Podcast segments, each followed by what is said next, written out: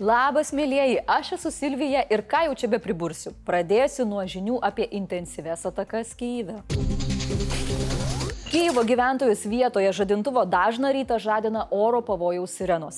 Šį kartą okupantai surengė išskirtinai intensyvę ataką, daug raketų per labai trumpą laiką. Numuštos visos 18 įvairių tipų raketos bei dronai. Trys žmonės buvo sužeisti dėl krintančių nuolaužų. Šešios raketos buvo rusų pasididžiavimas nenumušamieji hipergarsiniai kinžalai. O kol teroristai kapoja civilius objektus, ukrainiečiai ginasi ir net įrėsi į priekį. Kalbu žinoma apie karštąjį Bahmutą. Nors teroristai turi daugiau išteklių ir patrankų mėsos, Ukrainos kariai fronto sektoriuje imasi kontrapolimo veiksmų. Kad viskas vyktų dar sklandžiau, Ukraina tikisi iš savo vakarų partnerių gauti apie 40-50 amerikietiškų naikintuvų F-16. Tada jie suformuotų 3-4 eskadrilės.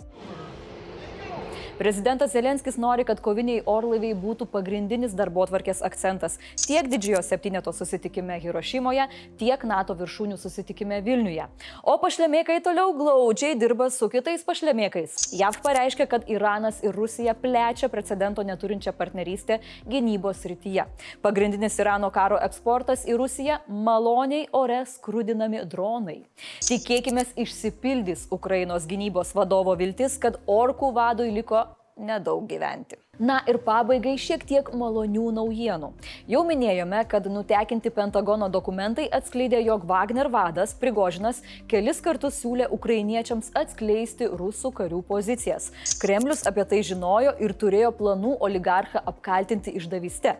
Žodžiu, jo vietoje privengčiau arbatėlės gėrimo.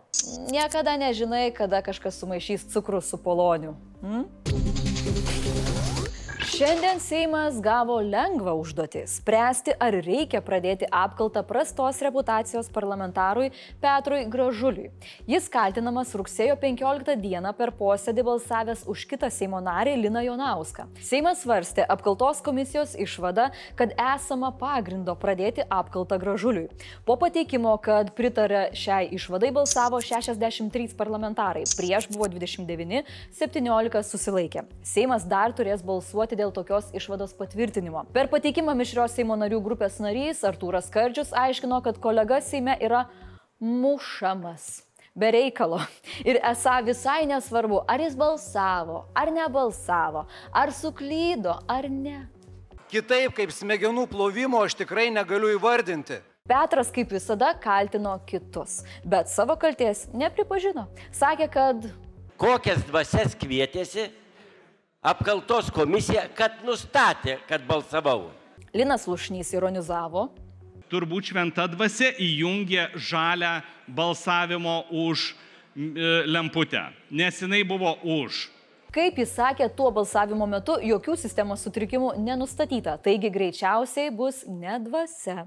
Bet jei Seme apkaltos procesas pasiektų finalinę stadiją ir bus pritarta komisijos išvadai, bei nuspręsta, kad esama pagrindo apkaltai, Seimas kitų nutarimų turėtų kreiptis į Konstitucinį teismą. Pastarasis konstatuotų, ar Petras pažeidė Konstituciją ir sulaužė priesaiką ar ne.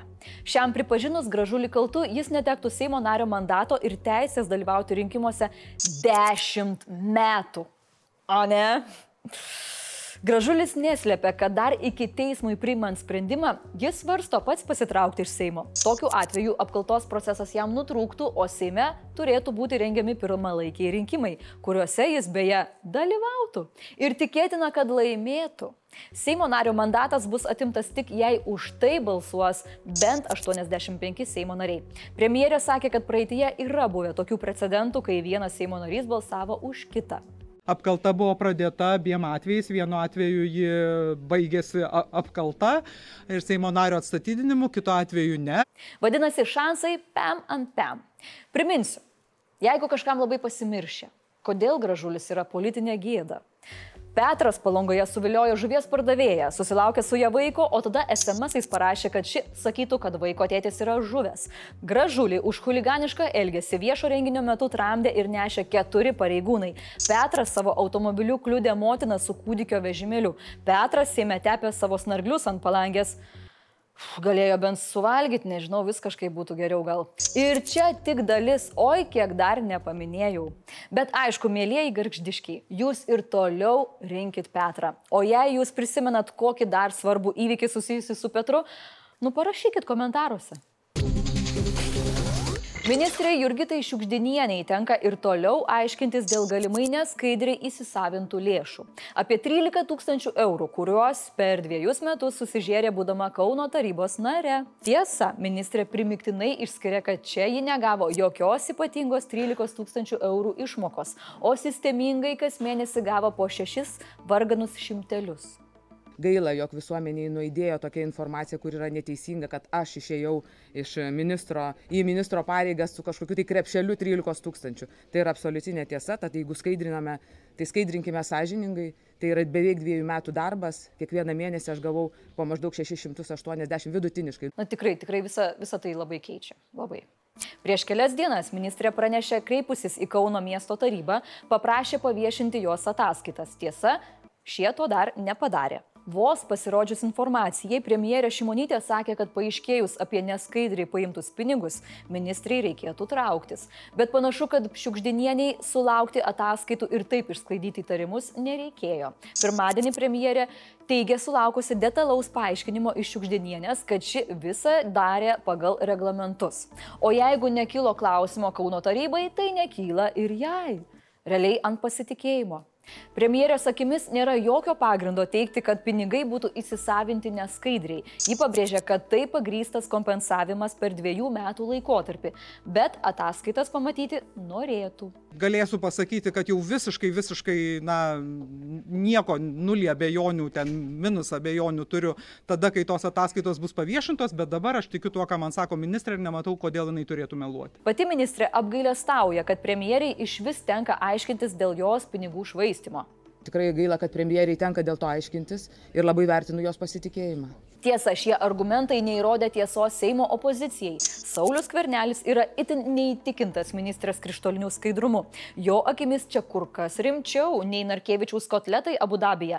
Todėl labai norėtų, kad ministrė būtų iškviesta į tribūną pasiaiškinti. Tiesa, buvęs premjeras supranta, kad interpeliaciją ministras iš kėdės neišvers. Bet tas ataskaitas pamatyti ir išgirsti išsamesnį paaiškinimą norėtųsi.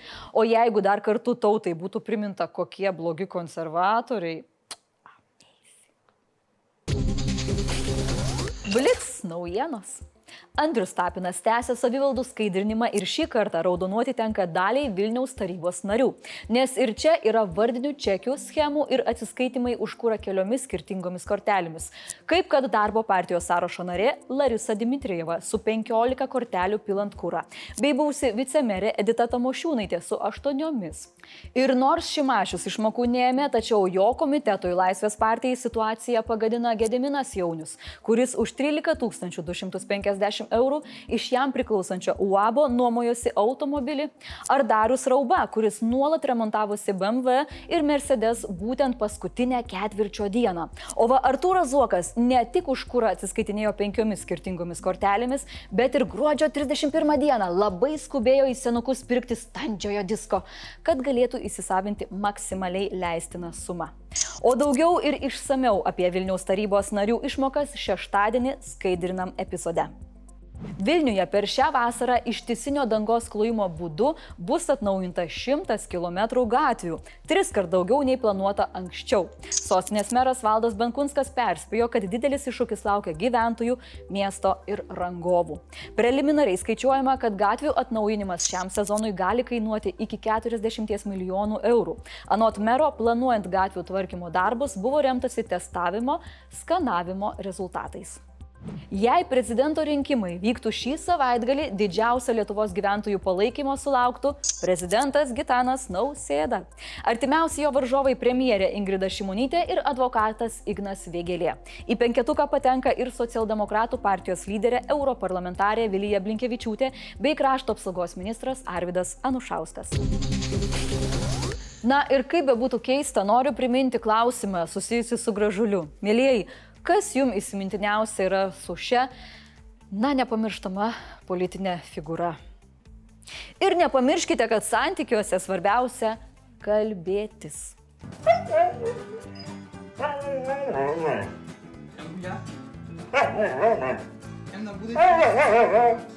Komentarų metas. Viktorui Kesminui žodis Eurotrip su šiais Zelenskio vizitais taiga įgyjo naują prasme. Tikiuosi, kad įgyjo ne tokią prasme, o bent jau vat tokią. Julius pastebėjo, kad to vyriškio, kurį rodėme vakar žiniuose, 5 minutę 30 sekundę, aktyvumas kaip šeimos, kuri keliusi 4 ryto, kad spėtų iš rajono atvažiuoti gariūnus, kol dar ne viskas išpirkta. Juliau, man labiau gero dėrybininko, kuris iš turgaus išeina gerokai sutaupęs. Na ką, mėlyjei, o rytoj prisijungs čia Timūras. Aš jau pasilgau Timūro, kaip jūs. Ačiū Jums ir iki kitos savaitės.